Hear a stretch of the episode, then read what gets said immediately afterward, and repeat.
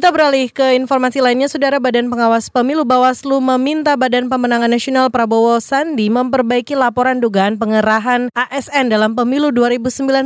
Komisioner Bawaslu Fritz Edward Siregar menyatakan ada sejumlah syarat yang belum dipenuhi oleh BPN. Kata dia selanjutnya Bawaslu akan menggelar sidang untuk memutuskan apakah laporan tersebut memenuhi syarat atau tidak. Ada beberapa hal yang masih perlu diperbaiki terkait dengan syarat formil dan syarat materialnya. Nah, nanti uh, kita lihat dulu apabila keterpenuhannya sudah ada, nanti akan dibuat apabila terpenuhi dan ataupun tidak terpenuhi nanti akan ada namanya sidang pemeriksaan pendahuluan. Komisioner Bawaslu Fritz Edward Siregar mengingatkan BPN harus punya bukti kuat yang bisa menunjukkan keterlibatan ASN dalam kecurangan pemilu 2019.